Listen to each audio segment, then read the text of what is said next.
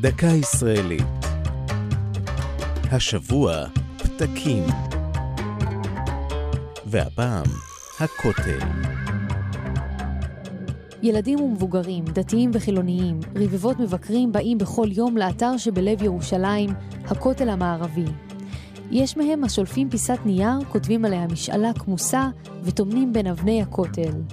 אחרי חורבן בית המקדש השני, נהגו יהודים להסתנן אל חורבות הבית ולהותיר על האבנים והכתלים ההרוסים כתובות נחמה ובקשות בעברית ובארמית. אפשר שנוהג זה הוא המקור להטמנת הפתקים בימינו. אחרים סבורים שההשראה למנהג יסודה בתחילת המאה ה-18, כשנוצרה תנועת החסידות. באותם ימים נהגו החסידים למסור לאדמו"ר פתקים עם שמות קרובי משפחתם שנפטרו, כדי שהוא יזכירם בתפילה. אחרים מאמינים שמקור המנהג בפתקים שמסרו יהודי הגולה לשדרים, שליחי הרבנים מארץ ישראל, שאספו תרומות מיהודי התפוצות, והפתקים נועדו להתאמן בין אבני הכותל.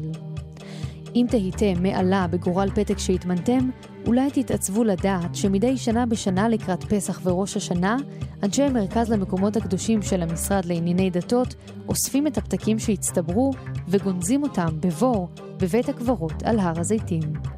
זו הייתה דקה ישראלית על פתקים והכותל. כתבה טליה כהן. ייעוץ הדוקטור יובל ברוך. מפיקה יעלי פוקס.